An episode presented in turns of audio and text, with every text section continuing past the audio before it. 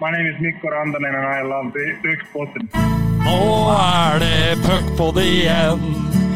Nå er det puckpod igjen, og det er puckepott, pott, pucke, pucke, pott, pott. Puckpod!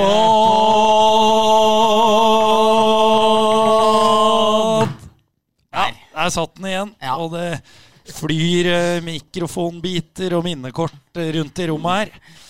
I ekstase over at vi er tilbake, og det er så deilig å kunne synge oss eh, hese her på Jordal Amfi, Erik. Føler oss ikke veldig smarte, men eh, det er en del av det med egenlagd intro for hver eneste sending. Ja, helt uh, klart. Vi, vi skulle gjerne dratt på enda litt til, men vi er litt reserverte siden vi sitter her med nytt bekjentskap, for, uh, i hvert fall for min del. Samme her. Så, men det går bra. Vi skal bli varme i trøya så fort vi kan. Endelig er vi tilbake. Det har gått eh, er det fem-seks uker. Vi har vært etterlyst. Det er hyggelig. Det er veldig veldig hyggelig. Det har eh, skjedd eh, mye på den tida, så det er godt at vi nå er tilbake igjen. Vi legger oss padde flate og beklager all venting og all den tid som folk har savna oss, men det har vært utrolig hyggelig at vi faktisk har vært litt savna. Ja, absolutt. Og før vi gyver løs på gjesten, så tenker jeg, Bendik, at du må oppsummere litt eh, hva som har skjedd disse ukene vi har vært eh, borte, for det er, det er mye å ta tak i. Ja, det har vært veldig mye å ta tak i. Det har eh, vært koronagjenåpning. Det har gått fra det har gått fra strenge, stive tøyler til at nå er det folkefest alle steder. Så det har vi fått. Vi har fått Sander Wold Engebråten som senka Kenneth Larsen og Vålerenga. Vi har fått se Martin Johnsen debutere i SHL. Vi har fått se Jimmy Andersson bli skada, bli frisk, bli skada, og så bli frisk, og så skada igjen. Vi har sett eh, Samuel Solheim både få matchstraff og ryke ut eh, med en eh, ny skade. Undertegnede har fått et barn, så det har skjedd vanvittig store ting i løpet av den siste tida. Og Eirik Haugen Johansen har vært pæra på byen et par-tre ganger. Så nå er vi klare og glad for å komme ordentlig i gang igjen. Ja, det var, det var vel innom alt der, så det, det holder, det. Og ny statsminister har vi fått eh, i mellomtida òg, så det er jo både for å, ta, for å ta det ut i det enda større bildet. Så det har skjedd eh, mye til gards i løpet av disse ukene. Eh, fantastiske uker, og nå, nå lover vi, Bendik, at uh, framover nå, vi, på tur hjem, så kommer vi til å sette opp eh, datoer. Vi har nå bestemt oss for å lage podder hver onsdag. Annenhver onsdag. Altså, ja, og det kommer til å komme ut da annenhver torsdag Yes. morgen. Ja. På kampdag. Yep. Så det er planen, så får vi se om vi klarer å levere denne gangen. Så må vi konsentrere oss om grunnen til at vi er her på vakre, nye Jordal Amfi. Eh, Besøker en legende i eh, norsk eh, hockey. Og ut fra det vi har regna oss frem til, så har du åtte NM-gull som spiller, og er nå hovedtrener i, i Vålerenga hockey. Takk for at vi har fått komme, Kenneth Larsen. Tusen takk for at jeg fikk komme. Åtte er riktig, ikke sant? Åtte er riktig, ja. Ja. Ja. Så har ikke Eirik somla når han satt og regna på sesonger på Eliteprospekt i stad. Nei, det var, eh, det var noen år der som jeg så at det var litt feil. Jeg husker ikke helt mange seriegull det er, men jeg husker at det var ett år Storhamar på Eliteprospekt hadde ett eh, seriegull som Vålerenga egentlig vant. Så det husker jeg stussa på, men eh, NM-gullet har eh, stemt. Ja, det er bra. Det lurer jeg på om er eh, den Kan være den sesongen hvor det var både seriegull og eliteseriegull. For det var noe deling Ja, det var det. variant der. Okay. Det var det. Som Storhamar vant del én eller et eller Ja. Det var noe sånn uh, surr innpå der da, husker jeg. Så da drev jeg regna litt. Jeg er litt glad i sånne statistikker og surrer meg bort i det.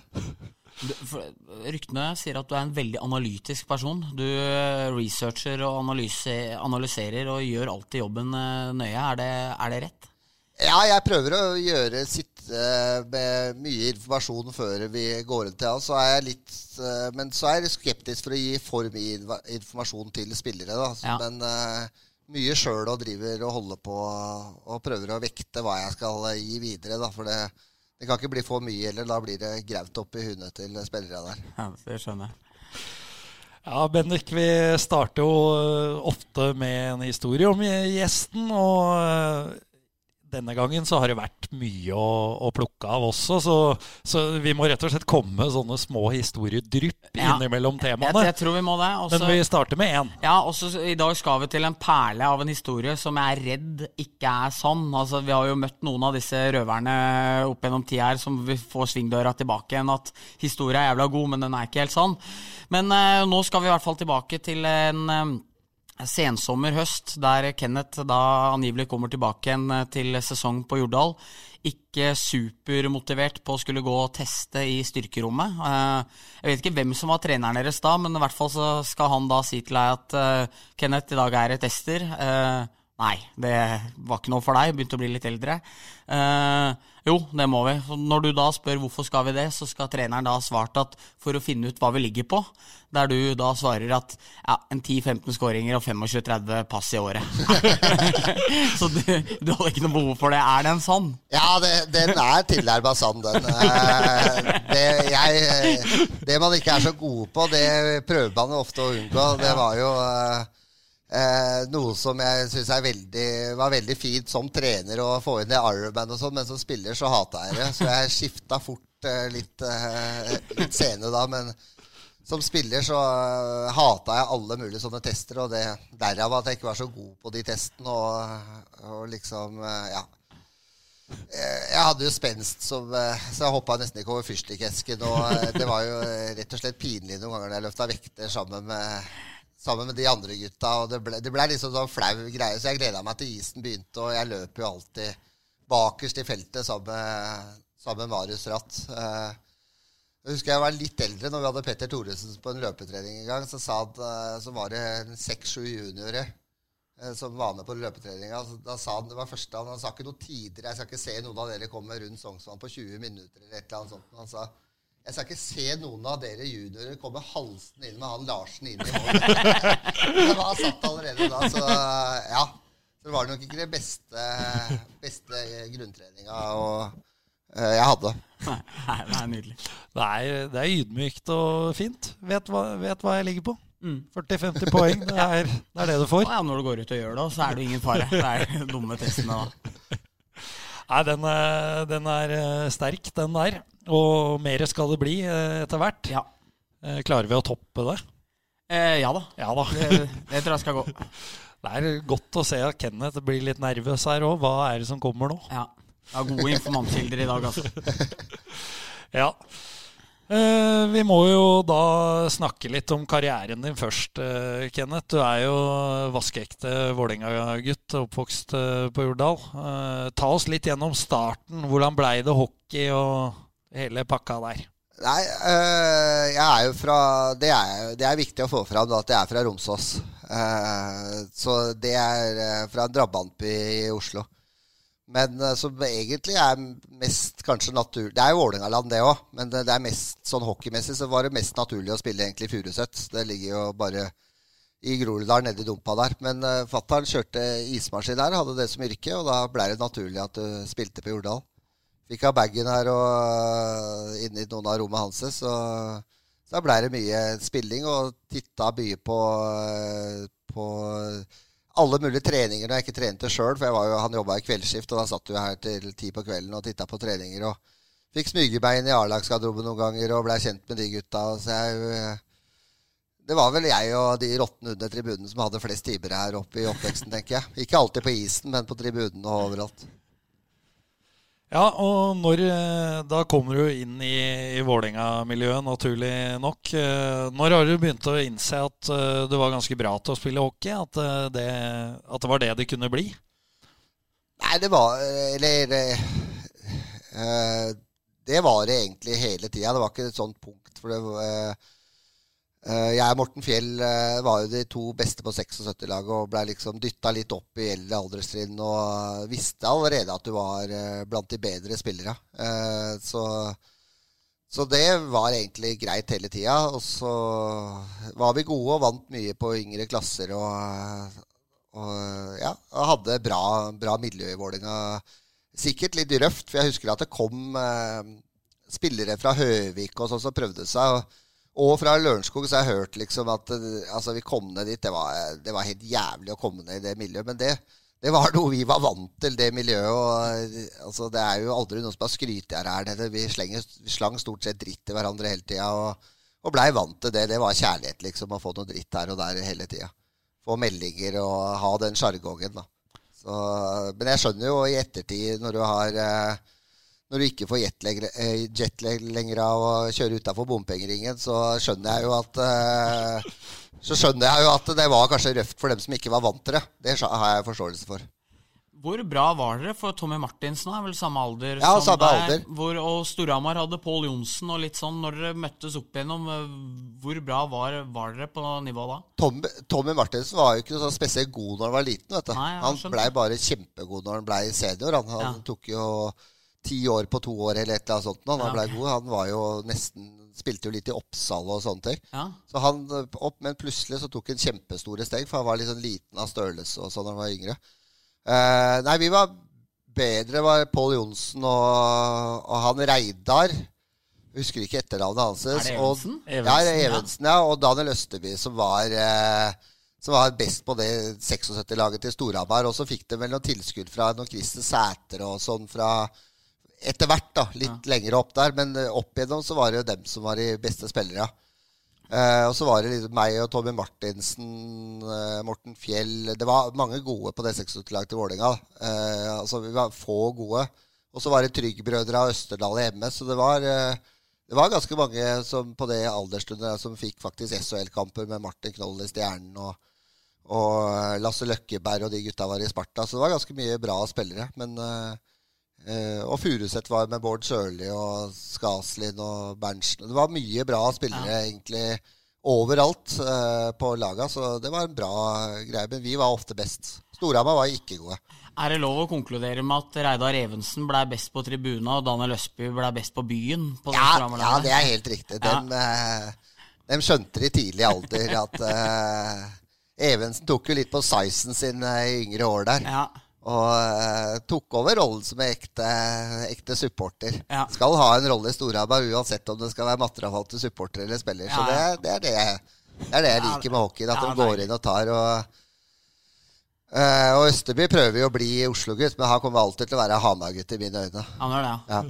Ja. Den sleiken og alt. det ja, sleiken det. alt. Det går ikke å komme Nei, bort okay. fra det.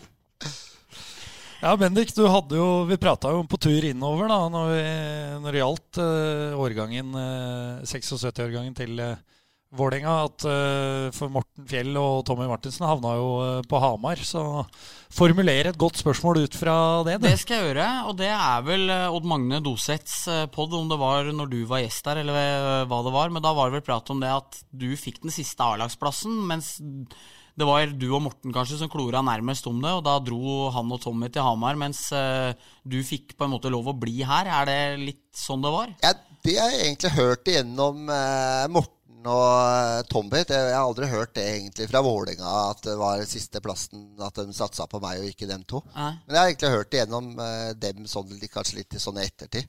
Eh, og så tror jeg også Så husker jeg at Pål Johnsen sa vi, Du kan ikke bo på Hamar, Kenneth. Det blir for gjennomsiktig Men hva du driver med. Sa Pål Johnsen. Men det var litt bedre med Morten og Tommy på, på den tida. Så det blir for gjennomsiktig. Her veit folk hva de driver med. I Oslo så kan du gjemme deg litt bort og ta en øl når du ikke skal gjøre det. Men det går ikke på Hamar. Så det, det når de spurte Pål om åssen type jeg var, så tror jeg ja, han er fin type, tror jeg de sa, men han skal ikke bo på Hamar.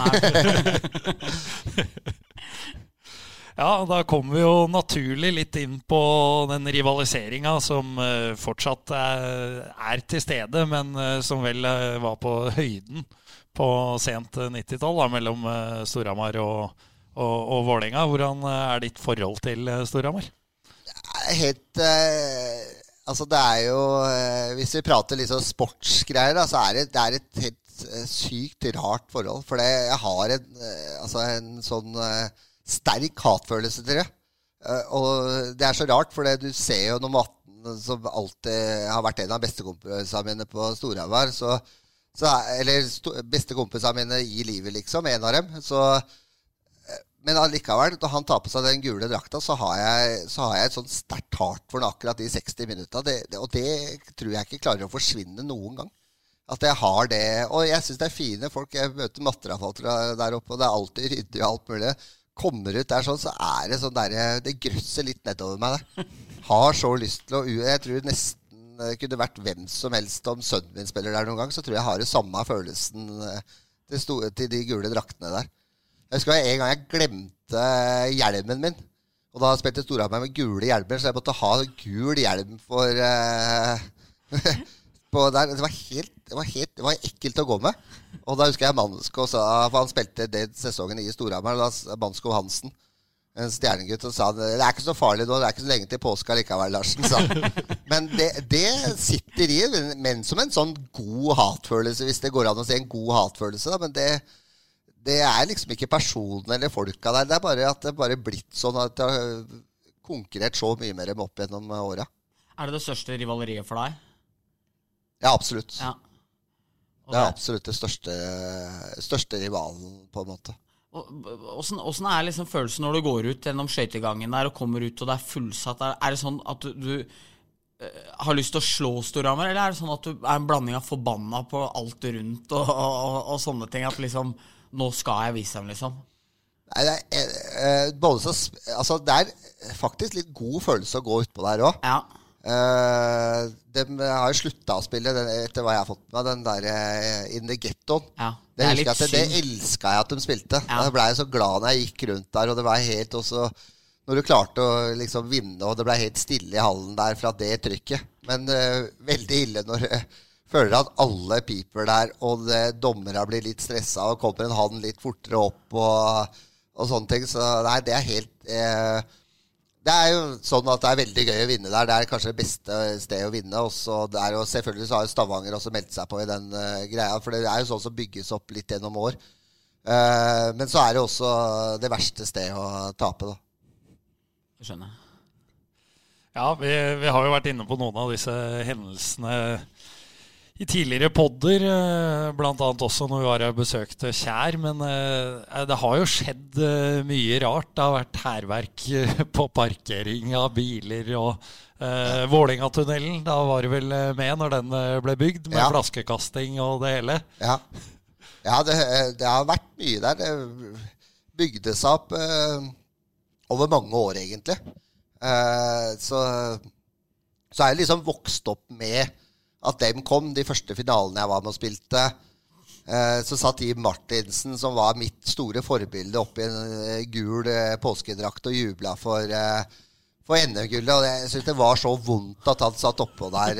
og Oppå målet der? Hæ? Ja, når du sitter oppå målet Sitter der, Sitter oppå liksom. målet der, ja. ja var liksom Det var vondt å se, da. Ja. og det Uh, Ole Eskil og Tom Erik spilte i den rekka, og uh, ja, det, det, liksom, det sitter brent inn, da. Så det er liksom ikke Det er ikke bare å viske ut det, selv om jeg har prøvd mange år. Men uh, du nevnte jo ditt nære forhold til, uh, til Pål Johnsen. Uh, hvor, hvor nære var dere i spillerstallet når dette her pågikk, på, på det verste rivaliseringa? Eh, altså, hvor mye kontakt hadde dere, da? Ik ikke så mye på vinteren. Det var ikke så mye sånn normalt da, så mye eh, kontakt på vinteren hvis vi ikke møttes kanskje på en landslagssamling. Og, men er, vet, med venn, gode venner så er det sånn at du ikke trenger å se dem på et halvt eller ett år. Så klikker det med en gang når du, når du er her. Vi prater sammen og vi ikke å sammen på tre måneder, og så er det nesten så vi fortsatte samtalen for tre måneder siden. Så det var jo mest på sommeren, for det var jo ikke sosiale medier og og det er litt annerledes å ta opp det telefonrøret og ringe. Så det, men veldig nære kompiser eh, sånn på bo eh, forskjellige steder. Da. Ja, og nå er vi jo her på vakre Jordal. Vi gleder oss til, eh, til det kan fylles helt opp nå, Eriksen. Og det kommer 2000-3000 fra Hamar, som det pleier å gjøre. Så hjelpe, hjelpe Vålinga til å fylle hallen. Ja, ja, ja. Nå, det, er ikke, det er ikke bare Vålinga som trenger litt hjelp til å fylle hallen, har vi sett i Sesam Fi siste tida nå. Det var eh, for jævlig der mot MS eh, på torsdag, var det vel. Men eh, nei, det er klart, det blir fantastisk. Var jo så heldig å få være her på OL-kvaliken, siste matchen mot Danmark, og da var det vel bare halvfullt. Og den spenninga og den nerven som arenaen fortsatt beholder, er ganske enorm, altså. Ja, det er det. Det kjennes bra ut å komme Ja. inn, og det kjennes som en ordentlig hjemmebane allerede. Ja. Selv om jeg elska jo gamle Jordal. Ja, det gjorde jeg Det- Blant annet med med Hamar-publikum. Jeg husker jeg da jeg satt i boksen der, så scora Storhamar. Så var det halve hallen som eh, reiste seg. Så tenkte jeg her er halve fra Hamar her. Det var et ganske bra trøkk fra Hamar-publikum her. Så hele svingen helt fram til liksom klanen Apeberget der flytta seg, liksom. Så da var det bra trøkk. Så, så det er morsomt å se. Du, du, blir jo også glad av det som spiller å se at eh, noen ganger kan du være sliten midt i, som spiller og trener midt i et seriesystem, så, og det er faktisk jobben din. Og så ser du at det er, står Om det står ti der eller fem der på bortebane som faktisk har tatt turen der, da blir det litt sånn Faen, dette her er ekte. Det er hel ved som mm. drar opp og ser kampa. Så det blir litt sånn Du blir inspirert om det står fem, eller selvfølgelig jo flere, jo bedre, men du blir inspirert av å se det som spiller og trener når de tar den turen på bortebane. Ja, enig. Ja, og Det er jo mektig å, å, se. Selv om hallen er ny og veldig flott, så er, har du beholdt elementa. Det er litt bratt og utrivelig. Ja. Og det, den ene sida er høyere ja. enn den andre, og akkurat sånn det skal være. liksom. Ja. Så det er klart å holde den, eh, den, selv om setene er litt finere, og sånne ting, så har de klart å holde den kulturen på hallen, syns jeg. Og neste torsdag møtes dere her? Ja. Det blir gøy. Det blir gøy. Det er jo en sånn uh, Når du går gjennom uh, skjemaet, så er det jo, ser du litt kamp for kamp, men du, du, når du titter på de laga som er Stavanger og og eh, Storhamar, selv om Stjernen leder nå, så se, de rivaliserende kampene de ser jo litt sånn Oi, der er det der om 14 dager, ja. Og da begynner du å grunne litt på det, selv om du har andre kamper i, imellom. Stjernen har ikke fortjent å komme helt der ennå. De har bare leda litt. det er befriende å høre en trener som sier eh, det for en gangs skyld. For vi eh, får jo høre stort sett hver pod at eh, nei, vi må ta én kamp av gangen. Og ja. Så tviler jeg ikke på at uh, du gjør det, Kenneth. Men uh, som du sier, selvfølgelig, man sikter jo inn. Uh, det tror jeg jo gjelder alle. Altså Oss som jobber i pressen nå, eller om du er trener eller spiller eller support eller hva det er. Så det er jo noen kamper du kikker etter. Jeg kikker Vålinga, og så hotellturer til Stavanger. Det er jo det første man ser etter. Det er, ja, var I Lørenskog så spytter vi Vålinga, og det skal faktisk sies. Jeg hadde Altså eh, Så jeg har jo vært i Vålerenga i mange år. Og, eh, og, oppvokst der og vært der hele livet. Men det snudde ganske bra. Når du var spiller og trener for Lørenskog, så hadde du jævlig lyst til å slå dem. For ja. du blir jo prega av kultur i den klubben du kom til. Og hvis vi møtte da Lillehammer på en torsdag, og Sparta på en uh, lørdag og Vålerenga på en torsdag i Lørenskog, da var ikke de to kampene så viktige. Da begynte de å prate om det før de to kampene Vålerenga-kampen. Og hvis du slo dem da, så var det da, da, var det lugnt i 14 dager. Så da, da, det var deilig. Du måtte sikte deg på den kampen. Og så i jernet da så var det, var det rolig en, en, stund. Så det, jeg har merka det andre veien nå. Ja, Det er kanskje ikke så rart når dere hadde 10-11 Vålerenga-spillere i stallen. Nei, det blei det ble mye. Så var, er jo Eh, det er jo noen ganger sånn at de adopterer fælt òg, så det var jo noen som ikke alltid har vært i Vålerenga, som dro videre òg. Ja. Men det er klart, det var jo et ekstremt uh, mye, mange som dro fra, fra den veien opp fra Vålinga til Lørenskog, da. Åssen er det for deg, da, du som er herfra og født og oppvokst og sånne ting? For du ser jo én ting er jo at dere får en mye bedre økonomisk mulighet og en større sportslig mulighet enn Vålerenga som ligger litt i brakta. Men var det ambivalent for deg å på en måte være med og være en av mange som forlot Vålerenga til fordel for noe bedre? Uh, det var mye så, sånne ark med pluss-minus der, ja. ja. Før, jeg skulle, før jeg skulle dra. Uh, så det var mye samtale, men jeg var veldig åpen med Det var jo litt på grunn av jobbmuligheten og og at jeg begynte i blomstringen, som ikke varte så lenge, da. Men uh, litt sånn for å gå videre.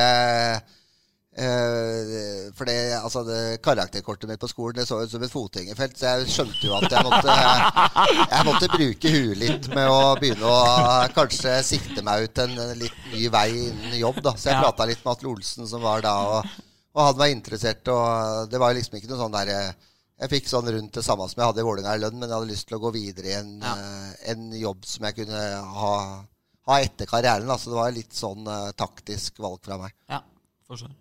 Hvordan blei det mottatt på, på Jordal? Nå, nå, var det jo flere enn deg som uh, vi var inne på, da. Men du hadde jo avgjort NM-finalen for Vålerenga sesongen før, eller i 08-09. Og ja. så blir det Lørenskog sesongen etter. Ja, eh, jeg visste jo egentlig at jeg skulle gå til Lørenskog når jeg spilte de finalene. Eller egentlig sluttspillet, for det hadde jo eh, sånn fått litt sånn nyss om det. Jeg, jeg visste jo ikke det, for det, det, var jo en lang prosess som jeg skrev. Men jeg visste at det kom til å komme et tilbud. Det hadde jeg hørt igjennom og sånne ting. Og det, Lørenskog eh, det var liksom Det var jo noen Vålerenga-spillere som hadde vært der fra før av, men stort sett så, så var det jo kanskje Vålerenga-spillere som Vålerenga ikke ville ha, da, som gikk til Lørenskog før det.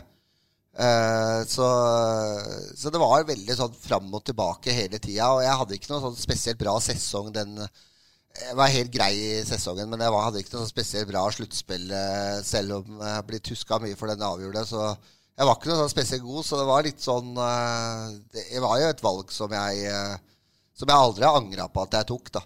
Men det var jo annerledes å komme til en annen klubb. Ja.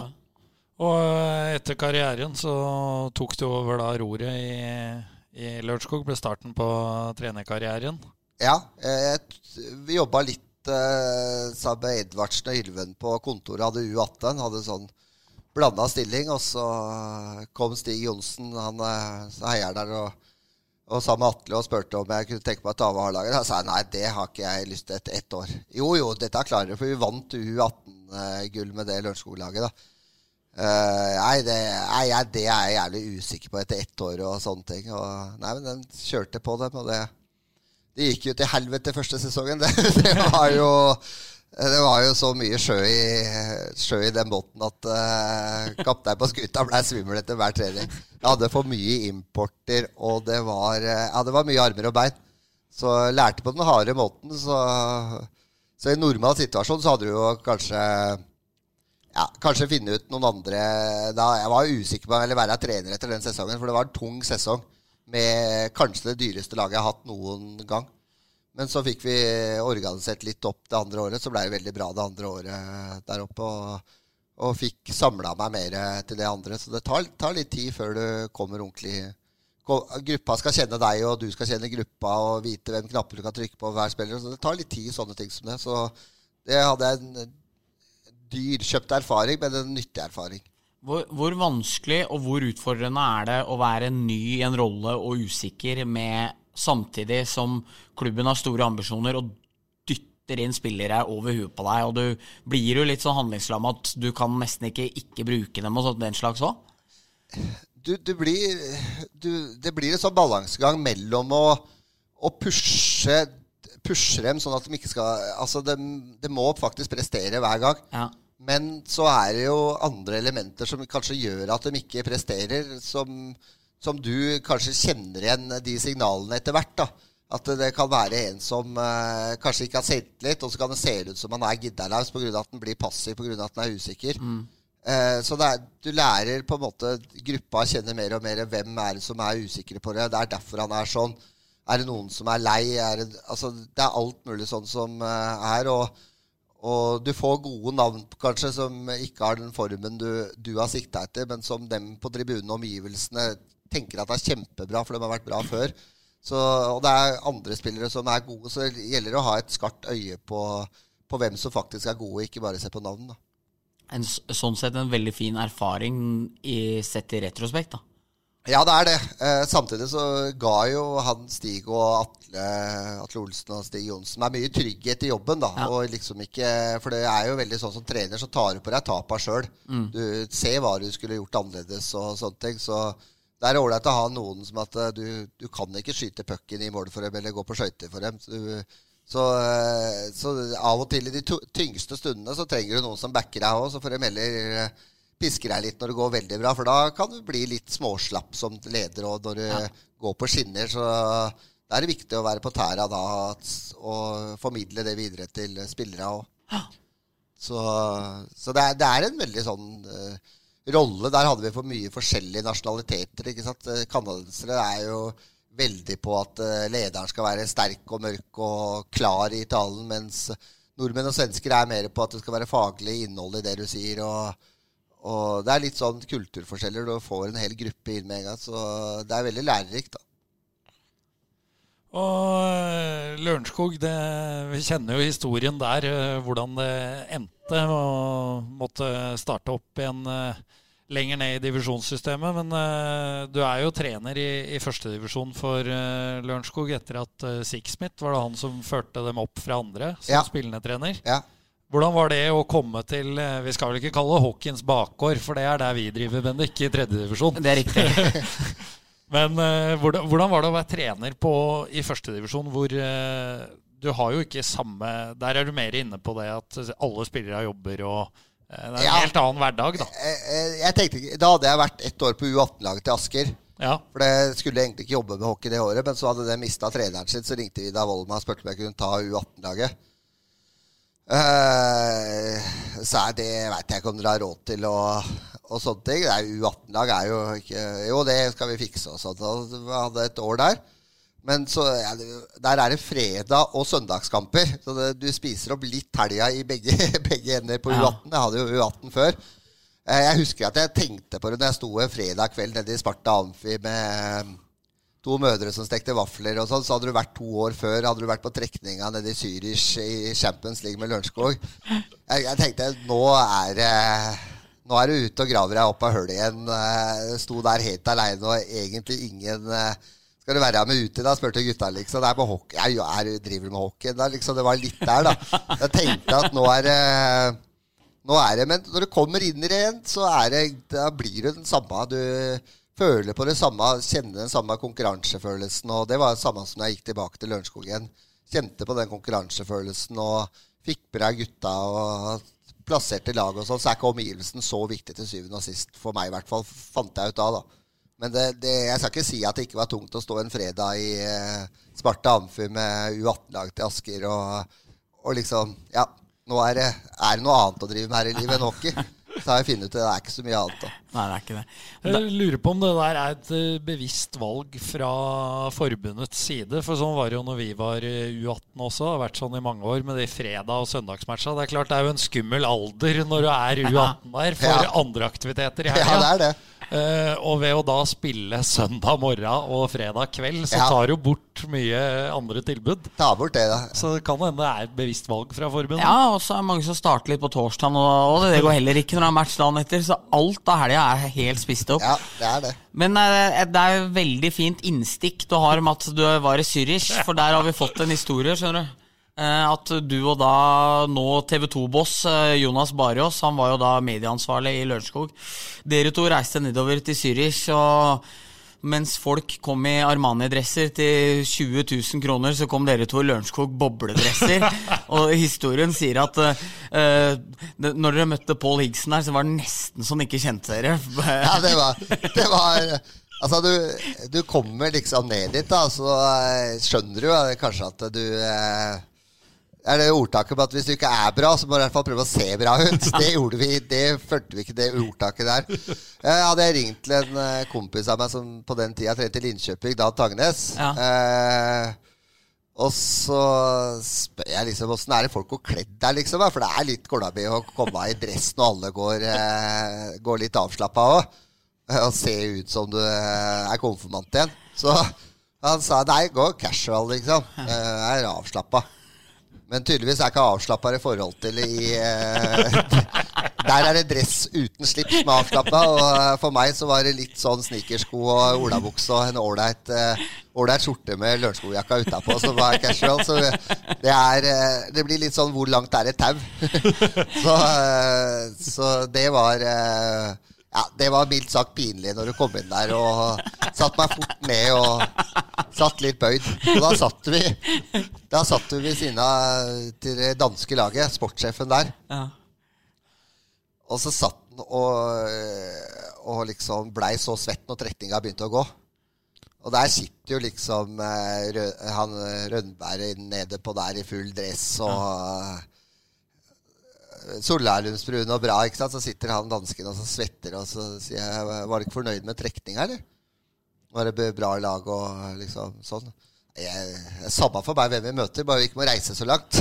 Vi har én på kontoret, vi har ikke råd til å reise opp hvis vi møter Kloten, så jeg er nervøs for trekninga. Driter i resultatet. Så jeg er veldig sånn eh, Mens andre har 20 mann på og 40 mann på kontorene der, så sitter det noen dansker og nordmenn der, og så lurer på reiseveien. Håper vi heller får buss til Gøteborg enn eh, flyreise opp til Klåten og de laga der. Så det er veldig forskjellig eh, altså stilling, da. Men det er moro at eh, liksom hockeyen samler seg om Champions League, da, for det er en jævlig kvalitetsturnering. Men allikevel så er det veldig forskjellige forutsetninger for å gå inn i den turneringa. Det er vel som Storhamar i sin tid, da, som er det eneste laget som har forskjøvet kamper fremover. Altså fått mindre hvile for å få færre reisedøgn. Så det er vel sånn vi har her. Men det blei faktisk trukket fram. Vi kom jo inn etter dem. Ja. Og den blei jo faktisk trukket fram i den uh, talen uh, Talen at det var liksom Cinderella-historien, og Ja. eh, fikk veldig mye skryt på podiet der. Så det, da var det litt Da kan det være litt ålreit at vi kom fra samme land. Men det, er, det er, tror jeg er eneste gangen jeg har vært fornøyd med, med Storhamar. Ja, men det Du, kan, jeg, kan jeg få stikke inn en historie nå om det Ja, ja, å ja. ikke være likt kledd som resten? Jeg har ikke spurt Mats Hansen om det er lov å fortelle det her, men eh, jeg, Dette er din pod, Bendik, Ja, så er du stikker inn eh, det Men- du Ja, akkurat det der jeg mener med Storhamar. De, de er så veldig redde for å by på seg sjøl. Ja, men- Du må nesten ha sånn der sikkerhetsklarering før du får lov å si noe. Med skader og alt mulig. ja, det er sjukt. Jeg må, det. jeg må hilse av Mats Hansen og si jeg må slutte med det der. Jeg må være litt mer åpne. Altså. Ja, men jeg, jeg tror den her er fin. Altså. Der, Mats hadde vært i 40-årslaget til bror Martin her forleden. Og så hadde det vært masse Olimb hadde vært der, og Røymark hadde vært med masse hockeyfolk. Og Lars Haugen hadde blitt bytta ut for andre match på rad, så hadde ikke vært spesielt høy i hatten eh, der. Fem-seks baklengs i ræva. Så hadde det vært det 40-årslaget, da, og der hadde jo liksom gutta vært litt spent på humøret til eh, Haugen etter at det hadde blitt noe baklengs. Gutta, som dere, eh, kledd i pent, eller eh, som de andre, da, pent kledde. Bortsett fra én mann som kom to timer for seint, utbytta i lederhosen. For da hadde fått beskjed av Martin om at det var ompa-ompa. Så, så når, så når Haugen kom inn på lokalet til stående applaus, så var han da den eneste i full lederhosen. Det er sånn det skal være. Det er sånn det skal være. ja. Det er jo klasseprank. Ja, den syns jeg er fin. Det er så gøy å gjøre sånn. Sterk, sterk. Eh, vi har fortsatt et par eh, historier å, gå på, men eh, jeg spiller deg opp på det senere. Ja, Ja, ja. For må ikke bli for mye gjøgleri fra deg heller. Ikke sant? Vi skal ha Da blir det selvopptatthet. Ja, Ja. det må vi ikke ha. Nei. Uh, skal vi snakke litt om uh, årets uh, sesong, da, Kenneth? Eh, dere var jo store eh, forhåndsfavoritter, eller er vel fortsatt store forhåndsfavoritter. Tippa øverst av de aller, aller eh, fleste som har kommet med et eh, tips. Og så eh, ligger dere jo nå på en femteplass, men eh, det er jo utrolig jevnt i år. Hva tenker du om, eh, om starten av sesongen? Nei, vi har, vi har vel vært Vi har vunnet to som er veldig sterke kamper nå på Lillehammer eh, nå sist, som eh, og Stavanger. Men da har vi spilt litt eh, annerledes enn eh, Vi har ikke spilt eh, bare angrepshockey da. Vi har ligget mye bakpå. Vi ble pressa, vi var veldig gode første mot begge de kampene. Så trykka dem oss mye tilbake. Eh, men da spilte vi veldig, med veldig disiplin og sånne ting. Men vi hadde ikke det høye presshøyden hele tida og pressa ikke mye. Så vi, vi har ikke helt Vi har vært gode i perioder. Så 20 minutter her, og så har vi dette ganske mye i en del kamper. Så vi eh, Vi har ikke helt uh, Men det tar litt Jeg regner med at det tar litt tid til. Så, så er vi sånn Sånn Poengfangsten er rettferdig, det vi har fått tak i av poeng, at vi ligger der vi ligger. Uh, sesongen var jo at uh, regna med at, nei, at Stavanger skulle eh, ligge sånn cirka der hun gjorde. De kommer til å komme mer og mer. Og så er jo alltid stjernene litt sånn uh, uh, joker. Og de har jo fått det til bra i år, så det, da regner jeg med at de kommer til å være med, med helt ut. Og, uh, så det blir eh, på, Jeg tror at det er de tre som kommer til å havne på de tre øverste plassene. Og så har kanskje Asker eh, vært veldig uheldig med skader, og det har jo Storhamar vært òg, så det er litt sånn Det har ikke vi vært ennå. Vi har hatt noen skader, vi òg, så vi får vel nok en sånn bøyg, vi òg. Men, men ja, det ligger kanskje ikke, Kanskje vi skulle ligge litt høyere opp, men eh, det har vært eh, Ringerike har overraska positivt. Gryner har overraska positivt. MS tror jeg mange regna med at de egentlig skulle være der de var. Men, og i tillegg så har de fått litt skader òg, så det var kanskje under, litt under det vi trodde. Så det er ganske greit, egentlig. Det er sånn jeg har sett for meg en del av kampene skulle løpe. Men, eh, men det vi ser at det er ganske jevnt i, i hver kamp òg. Det er ikke bare at eh, det vipper sånn. For det, vi hadde vel fire uavgjorte på rad nå som vi tapte vant den på straffer eller tapte på straffer eller Sudden før, uh, før Lillehammer-kampen nå. Så vi ser jo at kampene også er jevne. Så det er ikke sånn at vi undervurderer et lag og vinner 10-0, og så taper vi mot det neste laget 3-2. Det har jo vært jevne kamper hele, hele fjøla. Tapt med ett eller vinner med ett. Så, så, sånn har det vært i masse av de kampene som de andre lagene har spilt òg. Stjernen på topp tre, Bendik. Det er jo dårlig nytt for oss, det, da. Det er dårlig nytt for oss. Eh, da skal vel vi ut og gå caddy for Ole Einar Andersen og faren hans på Atlungstad hvis eh, dem kommer på pallen. Så vi får håpe at laga gjør jobben og, og, og, sender dem nedover. Neida, de har vært eh, veldig imponerende. Dem, ja, de har gode uh, fått med seg norske og gode importer, og de har vært stabile. Men det uh, ja, Hvis jeg hadde hatt riktig hver gang, så hadde jeg drevet med oddstipping istedenfor hockeytrener. Så det er jo litt sånn uh, skyting fra hofta at uh, de tre blir tre, da. Men hvis jeg skulle tippa noe, så hadde det blitt uh, topp tre i år. Ikke helt urealistisk, nei. Hadde du tenkt å komme med et uh, ja, innspill? Ja, jeg hadde det. Jeg tenkte på med stallen deres. Vi prata jo om det før uh, sesongen. At uh, Eller jeg var vel oppe og brukte så sterke ord som en av tidenes sterkeste backbesetninger. Den dere skilte med. Er det en utfordring for dere? At dere har veldig mange som er vant til å bære 3-4-25 minutters istid, som nå må fordele det i mye større grad enn hva dere kanskje hadde sett for dere? Ja, det er Eh, det er jo både og det. Altså, så Spillere som Daniel Sørvik hadde vel stort sett spilt powerplay i alle lag. Og hos oss så er han og i, eh, kriger i undertallet. Altså, han gjør en veldig bra jobb og er veldig lojal til det. Eh, du har både, eh, både Tommy Taimi og Espeland, som er da egentlig en førsteback i Powerplay. Men, og egentlig Ekelund òg? Uh, og egentlig Ekelund òg, ja. Men han er, kan, er, litt sånn hybrid mellom, i mine øyne, mellom både Powerplay Han spiller jo Powerplay, mm. men Tommy Timey og, og, Espeland er veldig første Powerplay. Ja. Pointman begge to, da. Ja. Og så bruker vi da, bytter vi på å bruke dem litt i Har vi brukt mye i Espeland og mindre Timey, så selvfølgelig så er det ikke så mange sånne typisk undertallsbekker. Jeg pleier å sette opp to to veldig kreative bekker. Nå har vi fire av dem. Og så har mm. du mer litt shutdown-bekker, sånne à la Ødegård, som jeg elska i Lørenskog, liksom. Som kunne være en treerbekker, som jeg kalte det, som styrer opp mye, mye undertall og sånn. Så det, det, er jo selvfølgelig en utfordring, men det, det, den biten syns jeg gutta har vært lojale og takla, og det har vært greit, egentlig. Så, så klarer vi å få to powerplayere ut av det, så er det bra. Hvordan er kommunikasjonen din da med f.eks. Sørvik, som har en bra karriere bak seg, og sånne ting, når du da må fortelle han og si, forklare for han hvorfor du gjør som du gjør? Nei, det, du gir jo en liten forklaring samtidig. Så det er ikke alltid du gir forklaringer på, på hvorfor de ikke spiller der og da eh, hele tida. Men noe sånt som er ganske logiske forklaringer, er at vi, vi må liksom ha folk som spiller mye undertall, som tar vekk de, tinga. Og så har vi en del løpere som også er, er bedre i powerplay enn dere med undertall. For vi ønsker å fordele istida så mye som mulig, så ikke ja. folk dobler så mye og har med hele laget. da. Uh, så blir det noen ganger. og, og og det skal være konkurranse. Og det er ikke sikkert han ikke spiller powerplay, at han kommer inn i powerplay og sånt. Så det, du må liksom ha den balansegangen når du driver Powerplay, så er det jo liksom mellom å gi trygghet i Powerplay, men samtidig som når du presterer òg. Så det mm. blir en sånn balansegang på når, du, når, nok er nok, på en måte, og, og når du skal pushe videre. da. Men, men, med langt, grått skjegg og firkanta blad, så skal du egentlig spille undertall? Ja, det skal det. Sånn. Utseendemessig så er det en undertallsback. Ja, ja, ja,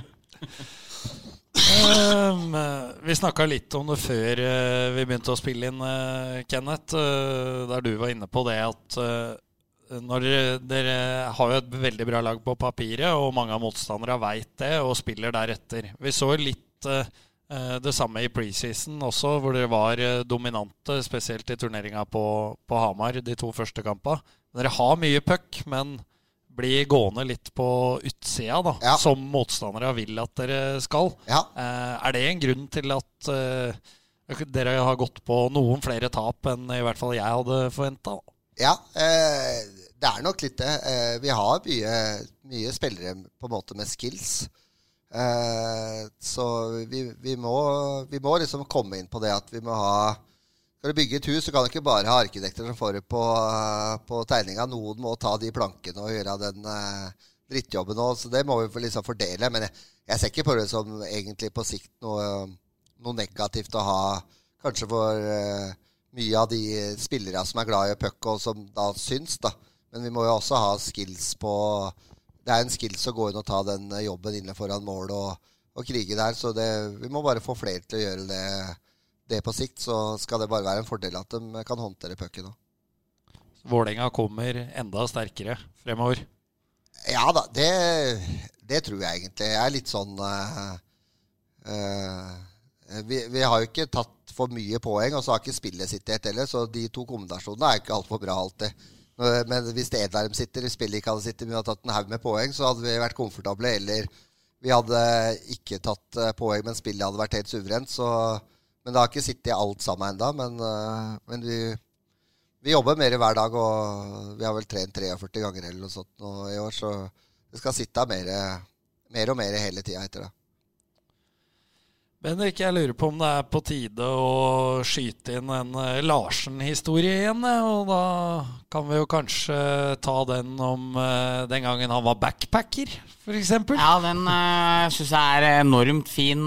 Det var før, ifølge min kilde, før du hadde fått barn og familie, og når du var litt fri og frank der. Og jeg lurer på om det endestasjonen din var at du skulle i bryllup til Scott Hartnell, men da da skulle du i hvert fall begynne med en backpackertur til Florida, eller hva det var for noe og prata litt rart engelsk og var, ble, var en raring aleine på tur. Det var ikke så lett å komme i kommunikasjon med andre. Der du hadde sett for deg at du nærmest eh, skulle bade rundt i fine besøk og ha det hyggelig med lokalbefolkningen, så var det ikke så lett. Så på dag ni da begynte du å bli ensom da du møtte en hjemløs igjen som du spurte om ville være med og ta en burger med deg. Ja, det, det, var uh det er jo Jeg kom jo ned til Florida der. Og så, eh, så er det jo South Beach og North Beach som er eh, Altså South Beach som er det fine, da. Men jeg hadde jo klart å bestille hotellrom.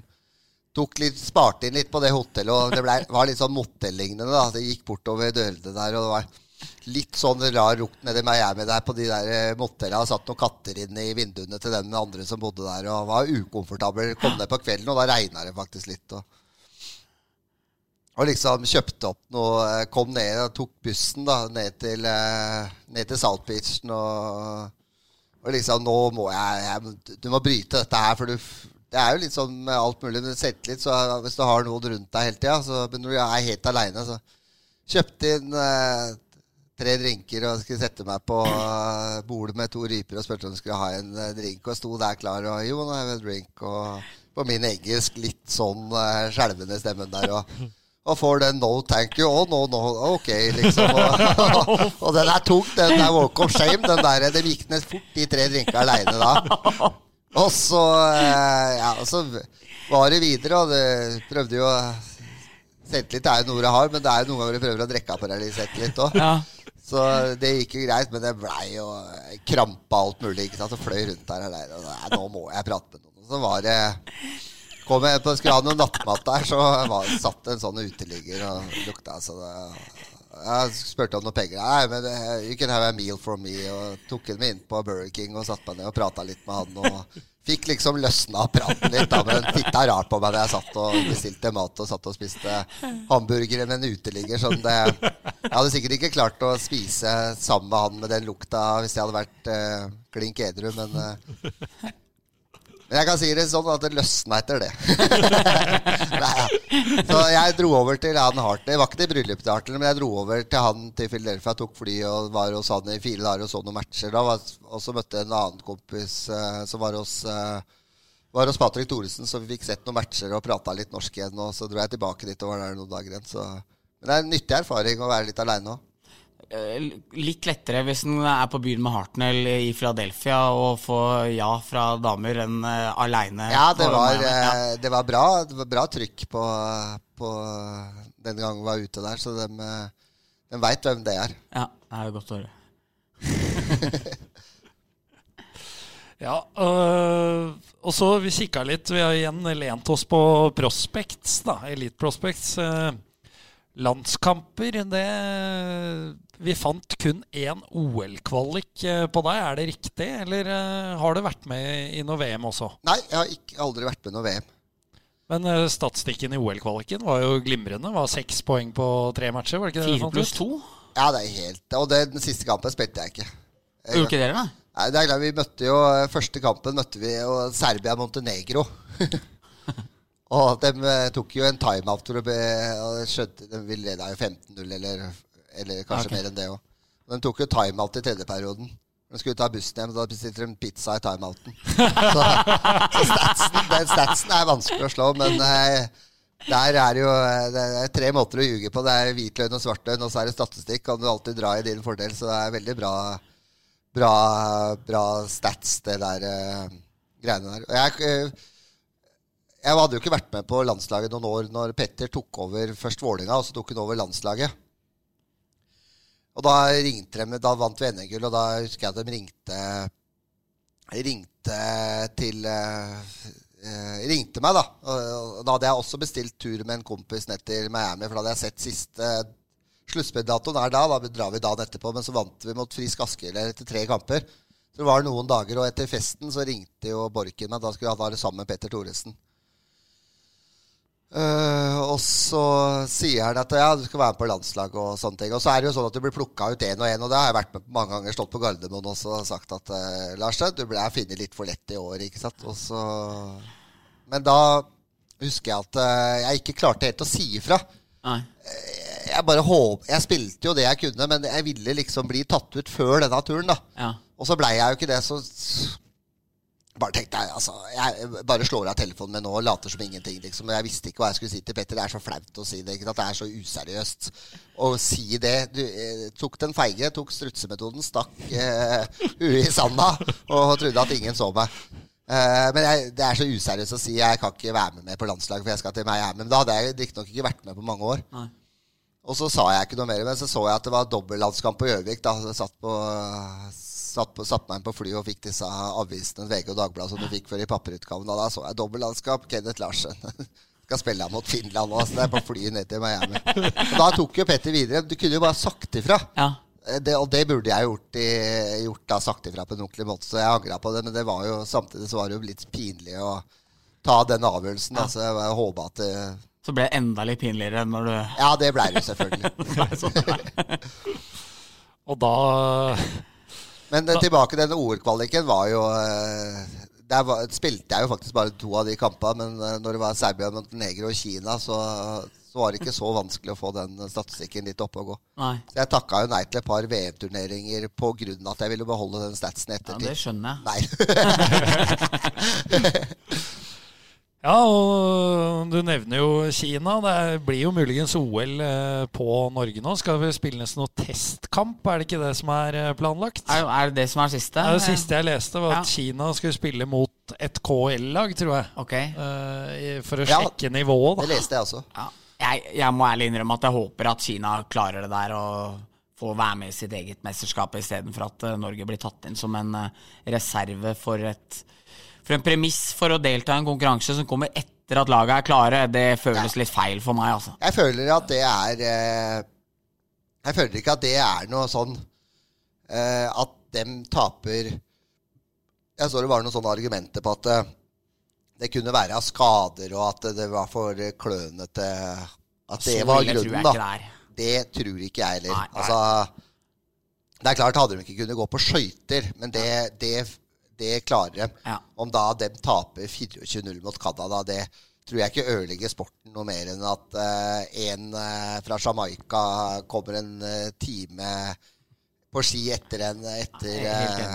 Johaug. Det, jeg tror ikke det er noe ødeleggende for sporten, så jeg håper jo det har vært veldig gøy med Norge i et OL, selvfølgelig. Men de har ikke kvalifisert seg akkurat nå. Da må vi ta nye grep i norsk hockey. Og så får Kina få den sjansen og heller eksponere hockeyen litt eh, ut der, uansett om de taper 30-0. Jeg tror ikke det er noe skadelig for idretten. Så er det jo et faktum at eh, det er jo ikke sånn at det er Sverige eller Finland som har missa i kvalik. Det er jo Norge som eh, mest sannsynlig også kommer til å reise ned og tape alle kamper. Ja, er, du skal møte Conor McDavid og gutta boys, så det, er, det kan godt hende at supererstatteren som kommer inn da for å sikre kvalitet på turneringa, taper både 10 og 12-0. Ja. Så så stor er forskjellen, liksom. Ja, så jeg, jeg tror ikke det er noe sånn supernegativt for hockeyen, selv om selvfølgelig den får det tøft. Så er det mer gøy når Jeg syns det er gøy at eh, at eh, vertsnasjonen får den, uansett om det er Sør-Afrika, Norge eller eh, om det er Kina. liksom. Jeg syns det er gøy at, at alle er med da, i et OL. da. Og så tror jeg også det skal jo litt til at uh, f.eks. Canada eller USA eller hvem det måtte være, ønsker å drite ut idretten sin så mye at de vinner 20-0 òg, tror jeg. Uh, Ja. Det er liksom du skårer inn de måla du trenger, og så er det litt flippere, og du Ja. leker deg litt i stedet, liksom. Så ja. Nei, det tror jeg ikke er noe stort problem. Og det er argumentet med at det skal være så klønete at du blir skada, den kjøper jeg ikke. Nei, det er- det er jeg enig i. For det er sånn eh, d- Altså, det er, det er sånn Stange eh, ungdomssenter 12-13-åringer som aldri har rørt en kølle før, som vil være farligere, liksom. Det, det, er, jo, det er jo ordentlige folk, liksom. Det er bra at han fra Kina setter ut karrieren til Conor McDavid der. Med en eh, Jeg vil ikke akkurat han Conor McDavid løper ned inn foran målet på 32-0 og kriger inn en for å få kølla i, over nesa. da. Nei, det tror ikke jeg heller. Nei, det burde, burde vel eh, gå bra. Og Bendik, skal vi eh, ta en eh, historie om eh, når Kenneth Larsen, vår eh, nye venn av Puckpodden, skulle på kaffebesøk til ja, Steffen Thoresen. Det skal vi, og dette får også bli ukens røver, eh, kjenner jeg nå. For nå er det så mye historier fra meg her at eh, Så at ikke folk blir drita lei. Nei, eh, Steffen Thoresen, et kjent og kjært bekjentskap eh, for oss i både Puckpodden og i Storhamar og i livet for øvrig. Jeg hadde bedt eh, Kenneth og to kompiser om en kopp kaffe, og Kenneth hadde hatt litt travelt, så hadde sagt til Steffen at han måtte ha kaffen klar og alt mulig på forhånd. Og der står jo Steffen med nytrakta kaffe i villaen oppe på Lørenskog der og lurer på hvor det blir av gutta. Og jeg prøver å kontakte dem, får ikke svar. og etter langt om lenge, og lenger enn langt, som Asbjørnsen og Moe sier, så kommer jo gutta. og det som viste seg at var blitt interferensen for dem, var at det har vært et ran, eller en villa bortafor Steffen, der det har vært to stykker som hadde sett prikk like ut som Kenneth og kompisen som var etterlyst. Og når politiet da så de to gutta i en bil, i bilen til Kenneth, som ifølge Steffen var lasta opp med golfkøller og nye tennisracketer og innebandykøller, så fikk jo gutta et uh, lite problem der. Så det var ikke lang i Nei, det var ikke høy i hatten da, regner jeg med, Kenneth? Nei, det var, det var jo Jeg gjorde en litt eh, Jeg spekulerte. Det er vel en tiårs tid siden, tenker jeg. Ti, er, er kanskje litt over, da. Eh, så vi riktignok skulle opp til Steffen på kaffekopp. Da bodde han enda på Oppsal. Okay. Og så hadde det vel skjedd noe rundt, for det var på dagtid dette her. Men jeg spekulerte i noen år, eh, et års, kanskje et år tid, at det ikke var eh, Jeg er så gæren på sånne forsikringsselskaper. For de, ja, det eh, tar penger av deg hele tida. Og så når det først skjer noe gærent, så gjør de det så vanskelig, men så hyggelig når du skal inn, og så skal du ha noe ut Når det, den ene gangen det skjer noe, så er det nesten umulig. For da må du ha fulgt alle regler på alt mulig, og er, eh, da skjer det jo ikke noe gærent. Så jeg skjønner jo at dem, eh, dem sitter med greiene. Og da spekulerte jeg jo i det. Og så drar jeg jo, så ser jeg jo politiet kjøre der, så tar jeg en litt unaturlig sving, da. Det ser jo selvfølgelig dem at det er Så har det sikkert skjedd noe. Det, har, det er noe Steffen har fått med seg, at det har skjedd noe rundt der. Det har ikke jeg fått med meg. Men eh, da har vi en golfkølle ned på sida der, og så, og så ser de at, uh, at vi kjører litt At jeg svinger litt rart. Da så sier han ja, denne bilen her har jo ikke blitt EU-kontroll på flere år, sier han. Å nei, sier jeg. Er det ikke det, da? Ja, det var rart og greier. Og så sier sier han ja, jeg får ordne opp i det, da. Og så går de inn og sjekker liksom regnummer en gang til. og sjekker Det er jo ikke forsikring på denne bilen heller, sier jeg, for da vil ikke jeg ha forsikring. Å nei, er det ikke det heller, det? og så sier han «Øh, hva er det den golfkølla For det var jo en enslig golfkølle som lå der. Så spør han hva er det denne golf, golfkølla gjør her, da?» sier han. Nei, men golf må jeg få lov å spille. så. Så det var greit. Jeg måtte parkere bilen og få noe eh, prøveskilting og noe eh, ordne opp i det. Så det var, var hyggelig snille politimenn som lot oss i hvert fall parkere ut til sida. Så ble det å slite litt joggesko isteden. Ja, men lå det et balltre der òg? Nei, nei, det gjorde det ikke. Jeg kan tenke meg den samtalen med Steffen var eh, haug med golfkuller og Da, da koste han seg, tenker jeg. hørtes ut som det var masse tjuvgods i Ja, nei, det var ikke, det var ikke noe ulovlig der, utenom selvfølgelig den forsikringa, da. Ja. Som var kalkulert risk fra min side. Ja. Ja, det var vel eh, var en bra ukens røver, det, Eriksen. ja, den er strålende.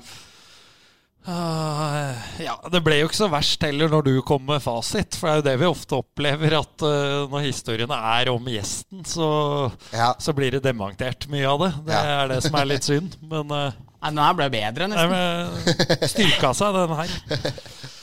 Så Bendik, selv om eh, vi nå er her eh, i Vålerenga-land, så ønsker jeg, før vi tar resten av eh, de faste spaltene, at du bare fyller på litt kjapt om det som har skjedd på Hamar. For vi har jo base på Hamar, så vi må, må nevne Storhamar litt på tampen her. Om sesongstarten de 14 første kampene?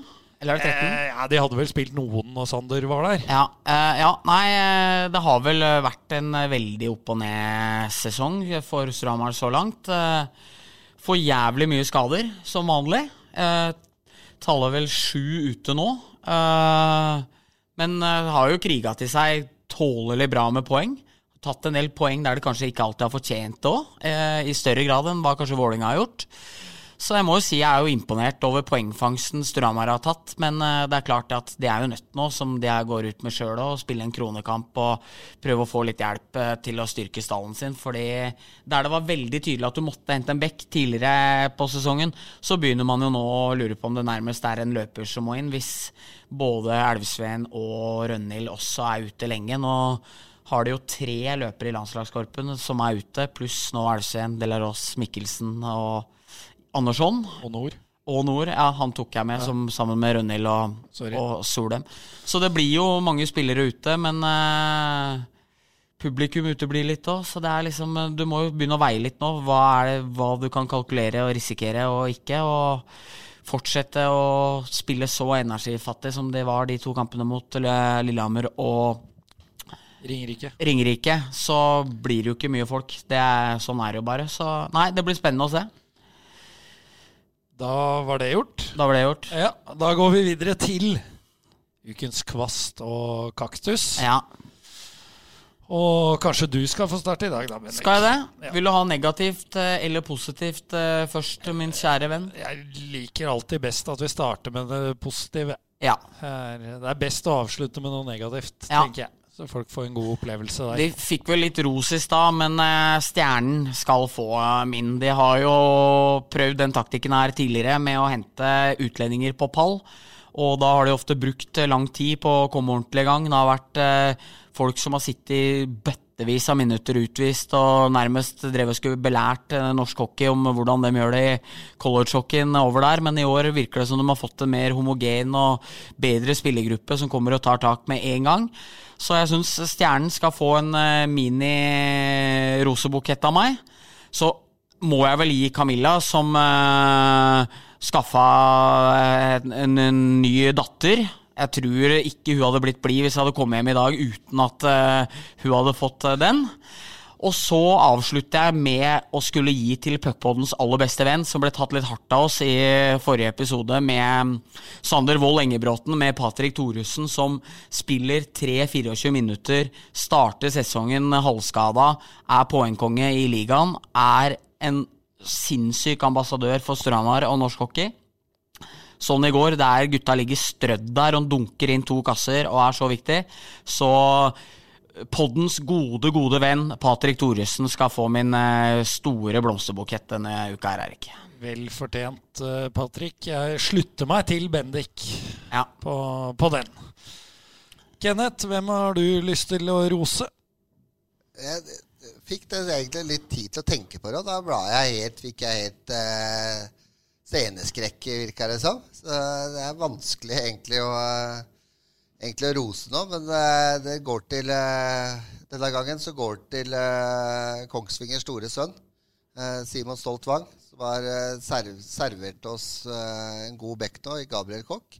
Og så sier han at han jobber videre med spillere, så han kommer til å han kommer til å mette det markedet som vi har på bekken og løperen i framtida, sier han, og at han jobber så bra med dem. Så det blir til eh, Simon. Nå er det slutt på å kjøpe noe. Det er Simon som ordner eh, Vålerengas fremtid. Og Simon har vært nevnt i en pod tidligere, men da sa jeg feil lag eh, da han spilte for Kongsvinger. For Simon var ikke noen stor hockeyspiller. Han er bedre trener enn spiller. Og da sa jeg at de hadde tapt for Det sier ikke Simon. Nei, men han var ikke god hockeyspiller. Vi har spilt med det Furuset. Ja, altså. Han satt og kikka litt. Eh, Han var ikke han var veldig flink til det han driver med nå. Men han eh, spilte da en match eh, jeg sa var borte mot Brumunddal, som var borte mot Elverum. Der, eh, der de spilte to perioder i motvind og tapte 30-0 eller noe. Der Simon fikk ti minutter og tror jeg hadde seks jakker på seg eller noe for å sitte og ta imot den støyten. Så, så Wang fortjener endelig litt eh, positiv eh, omtale her nå. Ja. Og han er jo ikke snau, eh, Stoltvang, da, hvis han eh, nå har tatt på seg å eh, Nei, løse både bekk og løpersida for Vålerenga framover. Jeg har sagt det, altså. Så det og, jeg, og jeg stoler på Simon når det gjelder det der. Så det, han, han har kontroll på det. Ja, men det er klart, klart Hvis du får opp tolv tolv løpere og seks bekker hver sesong, så, så er han jo en meget bra mann for norsk hockey òg. Ja. For det, alle kan jo ikke spille i Vålerenga. Han sier han skal ligge på det, det snittet der. Ja. Da, da er det Frikk Juel som har det største problemet, da, hvis han skaffer Ja, opp det 18 har hvert han har skrevet noen lange kontrakter nå, så da blir det problematisk.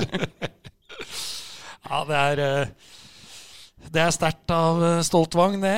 Min eh, blomsterkvast den går delt da til Markus Stensrud i buret i gårsdagens kamp. Syns det er veldig moro å se at han eh, fikk muligheten mot eh, et annet lag enn eh, Gryner, da, hvor Storhamar og andre lag ofte setter inn andre keeperen.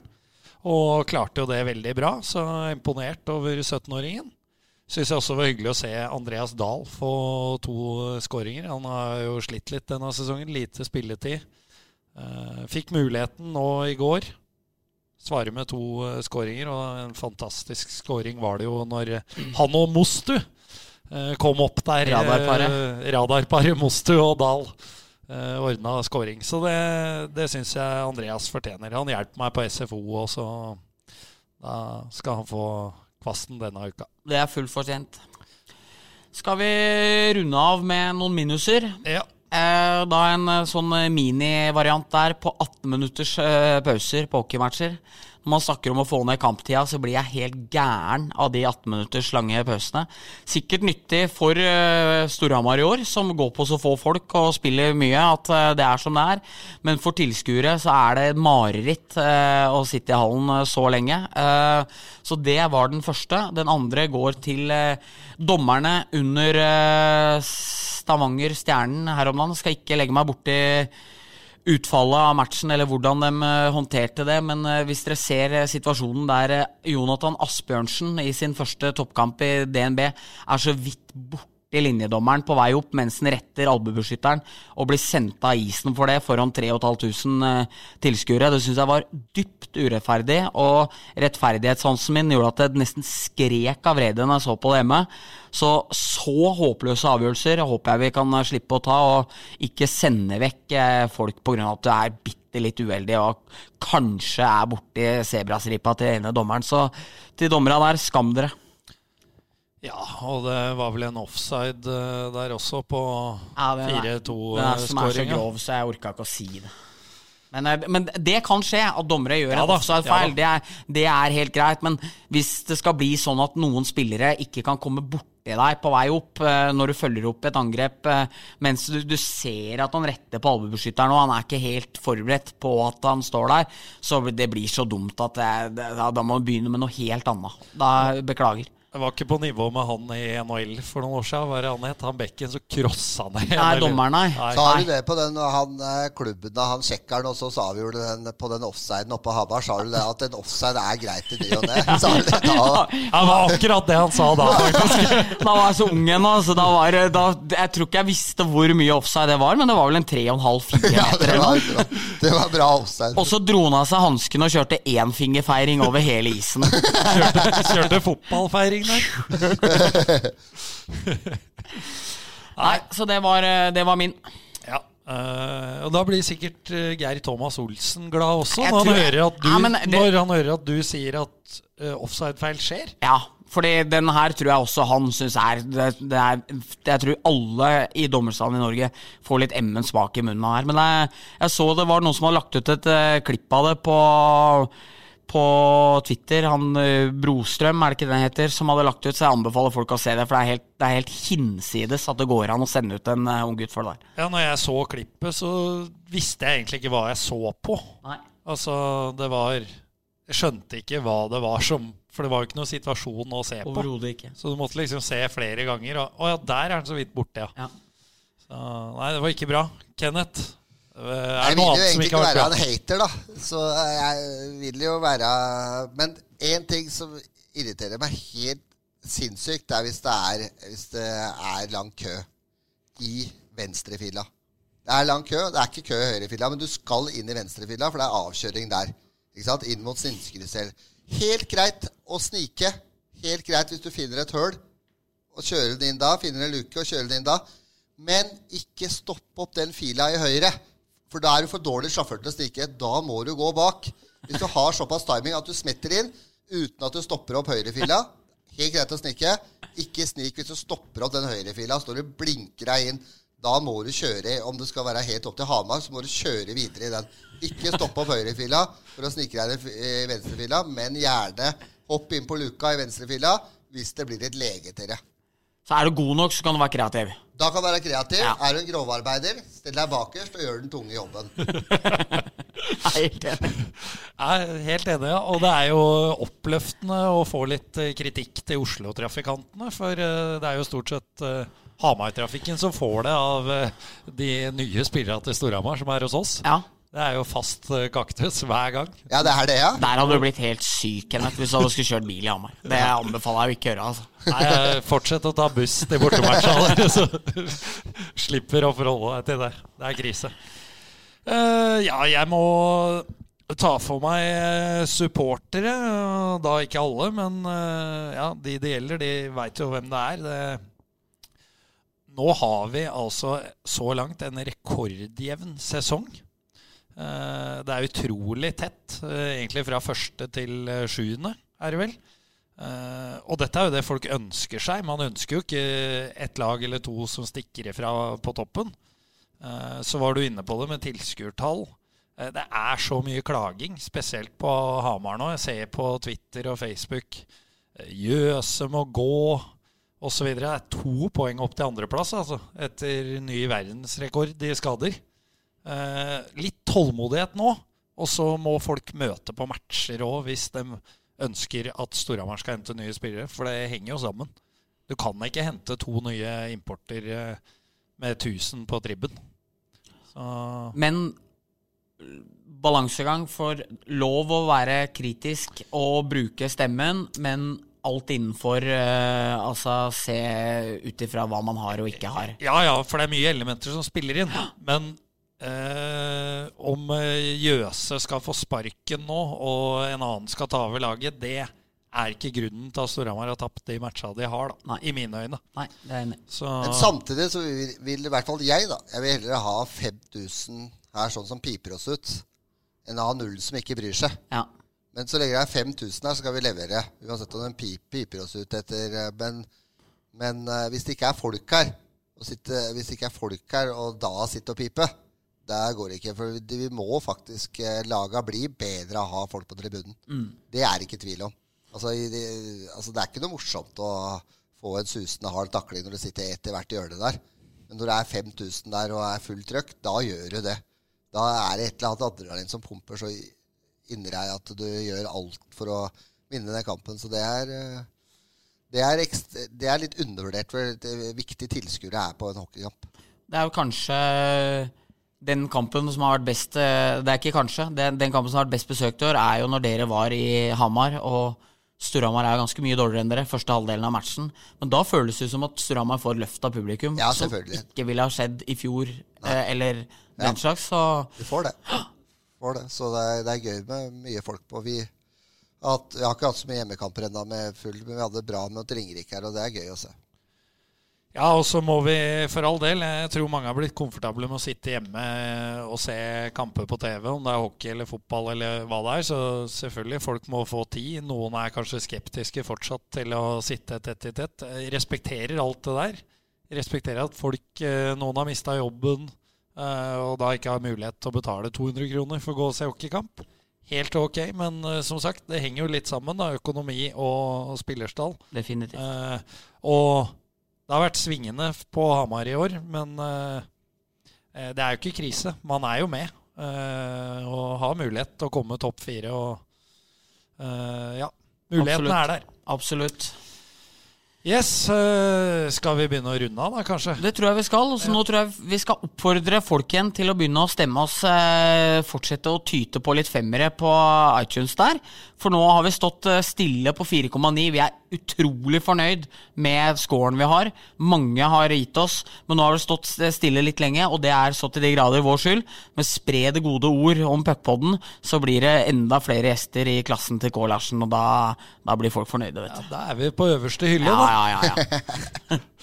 Tusen takk for at vi fikk komme, Kenneth. Det har vært uh, utrolig moro.